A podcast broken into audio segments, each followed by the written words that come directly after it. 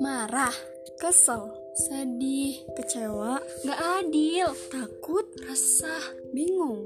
Udah deh, akuin aja. Jangan dilawan, tangisin aja. Jangan ditahan. Terus gimana? Dengerin kita di Rumah Rama.